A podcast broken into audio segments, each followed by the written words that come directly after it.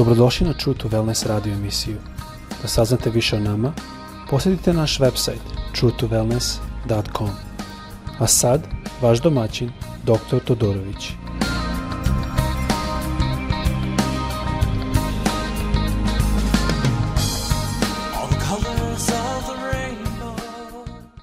Ljubazni dobar dan i dobrodošli na naš podcast. Želim blagoslov svima iz ime Isusa Hrista ovaj podcast radimo ovdje iz Florida, ovo je sada drugi da, da gledamo na dela apostolska, druga glava, drugi stih. A prvi deo najviše sam ukazao na atmosferu i situaciju što je dovelo do toga.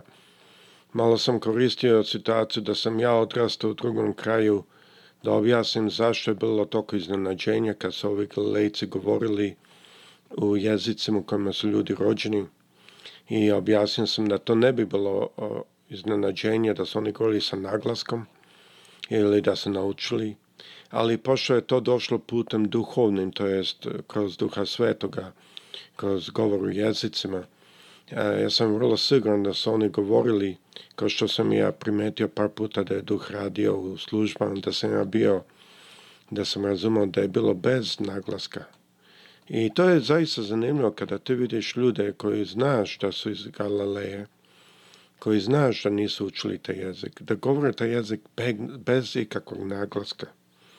Malo, malo smo o tome govorili i malo smo isto govorili o tome da je, ovo nije jedino mjesto da se ovo desilo. A ovakva situacija isto da se Duh Sveti izlio i došao na kongregaciju se desilo u Dela apostolskim četvrta glava, 31. stih. Pa opet u Del Apostolske glava, 10. glava i u 19. glavi. I možda je prilično dobra e, ideja i situacija da pogledamo na te glave drugi put kad imamo priliku i kad imate priliku možda da pročitate dobro malo da se fokusiramo i da studiramo Bibliju. Mislim da je jako bitno da shvatimo da Biblija nije nama dana samo da je čitamo kao roman i da je potrebno baš da je studiramo. Ali sad bih volio da pustim pesmu koja je meni jako draga. I e, to je pesma koja je u stvari i e, uvodna pesma u našoj e, ministri, ne samo u podcastu, kao što ste već čuli na početku, nego isto i u naš video ministri i drugim stvarima što radimo. I saslušamo tu pesmu i saslušajte reći te pesme. Tako su duboke. E, za one koji ne znaju engleski možete naći prevod reći. Teško je za mene da prevedem jer ako bi ja prevodio dok je pesma onda bi uništio pesmu. Ali um, pe, reči su jako divne. te svedočimo o ljubavi, normalno govori o gospodu. I e, to je od grupe Avalon. Pa bi volio da saslušamo tu pesmu i onda ćemo nastaviti.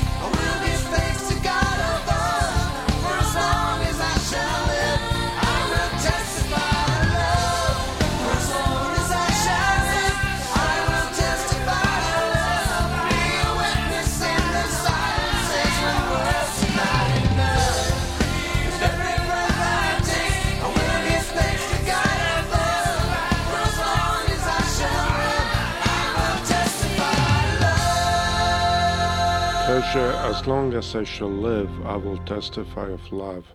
Što kaže, dokle god živim, ja ću da svedočim o ljubavi. Zaista divna, divna pesma, te razlog što sam i izabrao tu pesmu da bude naša antema od našem ministry, ali želim sada da nastavimo sa ovim stihom, sa ovim gledanjem u dela apostolska druga glava, drugi stih. Prva stvar što želim da pokažem i o čemu želim da razmišljamo je o tome da li to pripada nas. Mnogi kažu pa to je bilo tada, to nije više danas. Mi moramo gledati u reč Božju što reč Bože kaže. Riječ Božja pokazuje da je ovo obećanje kaže ovako, Dela apostolska druga glava 39. stih. I obećanje je za vas i za vašu decu i za sve koji su daleko svakoga koga gospod naš pozove ka sebi. Tako da ako nas je gospod pozvao, onda je ovo obećanje za nas. Tako je reč Bože.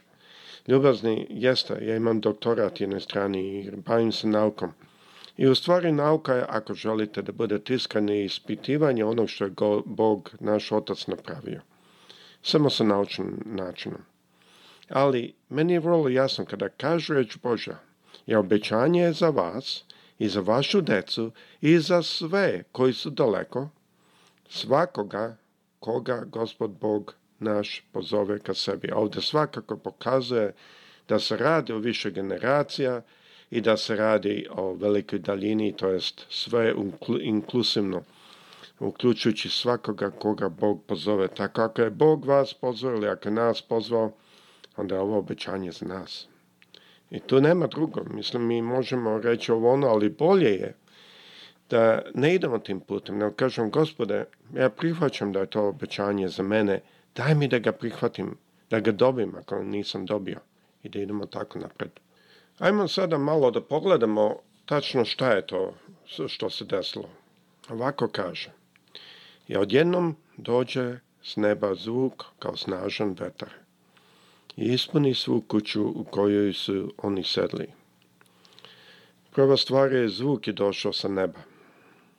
Mnogi žele da postignu neku silu, neku slavu. Mnogi čak, ja znam da ima mesto da ljudi vežbaju kako da govoru jezicima. Ali to nije ovdje što je bilo.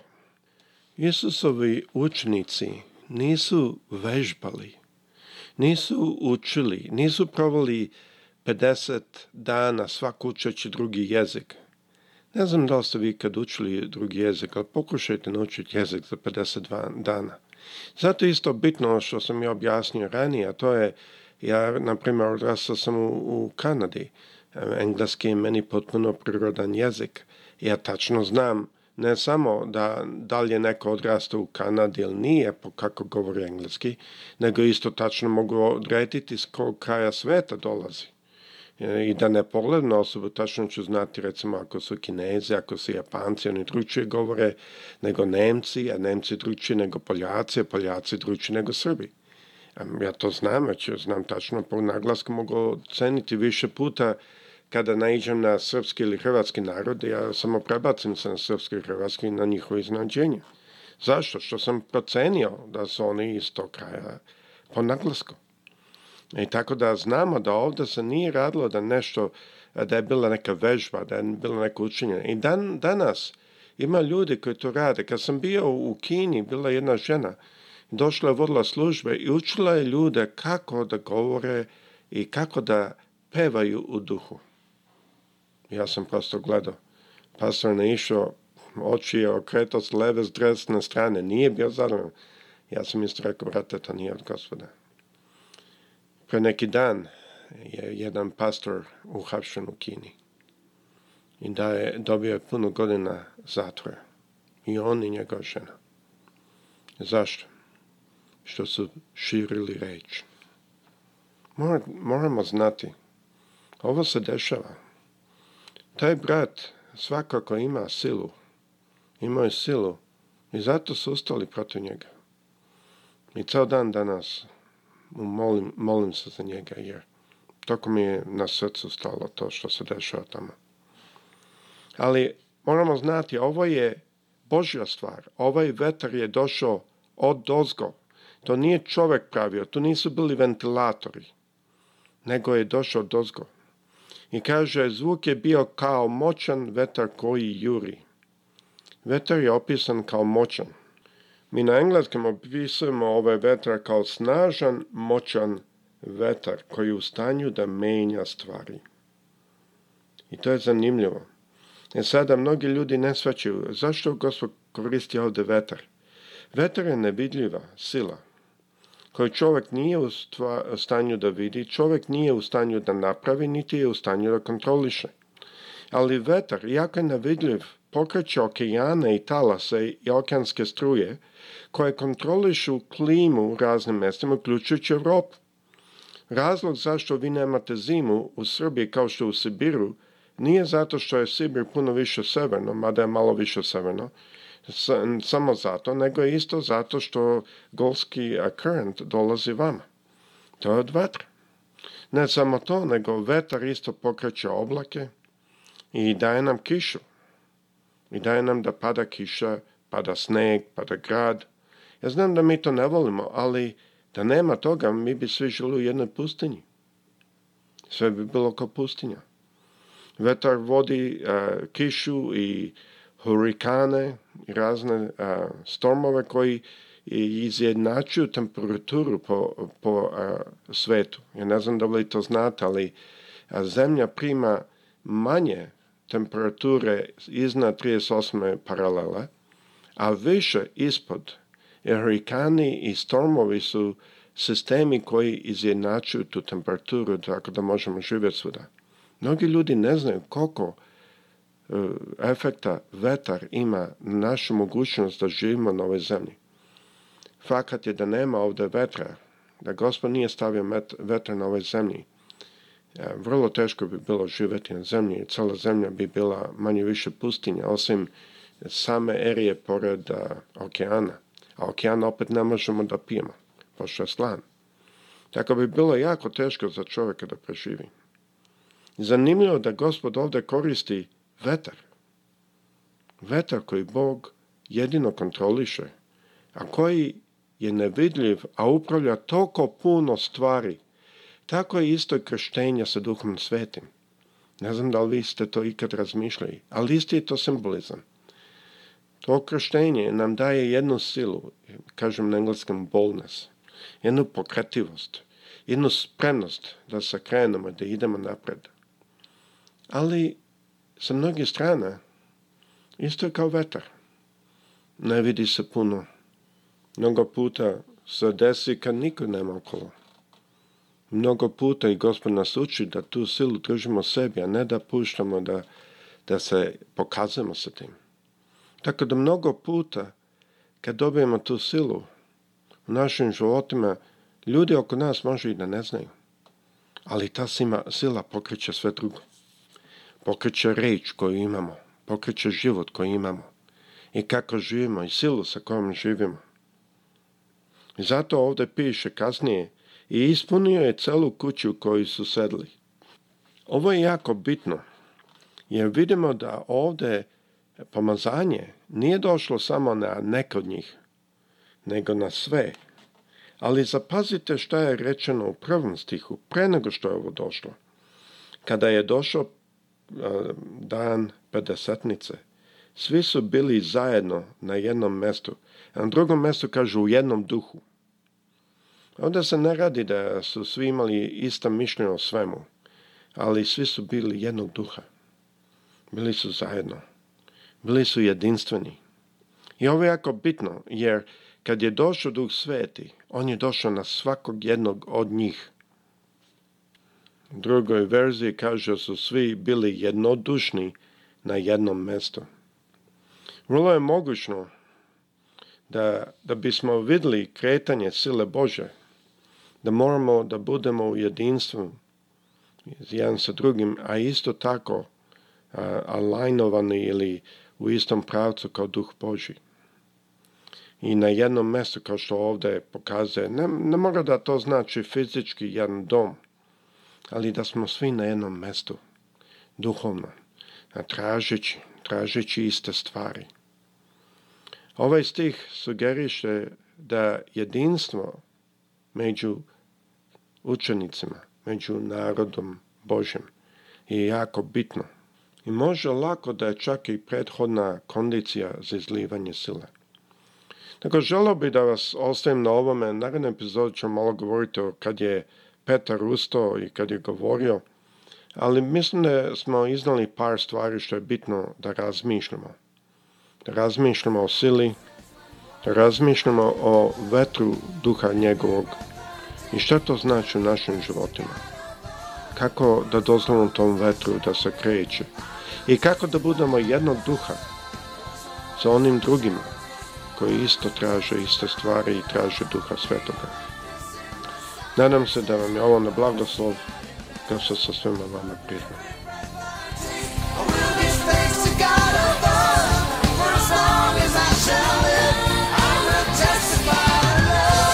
Slušajte True to Wellness radio emisiju. Pridružite nam se ponovno. Za kontakt molimo posjetite naš website truetowellness.com. Naša email adresa je info at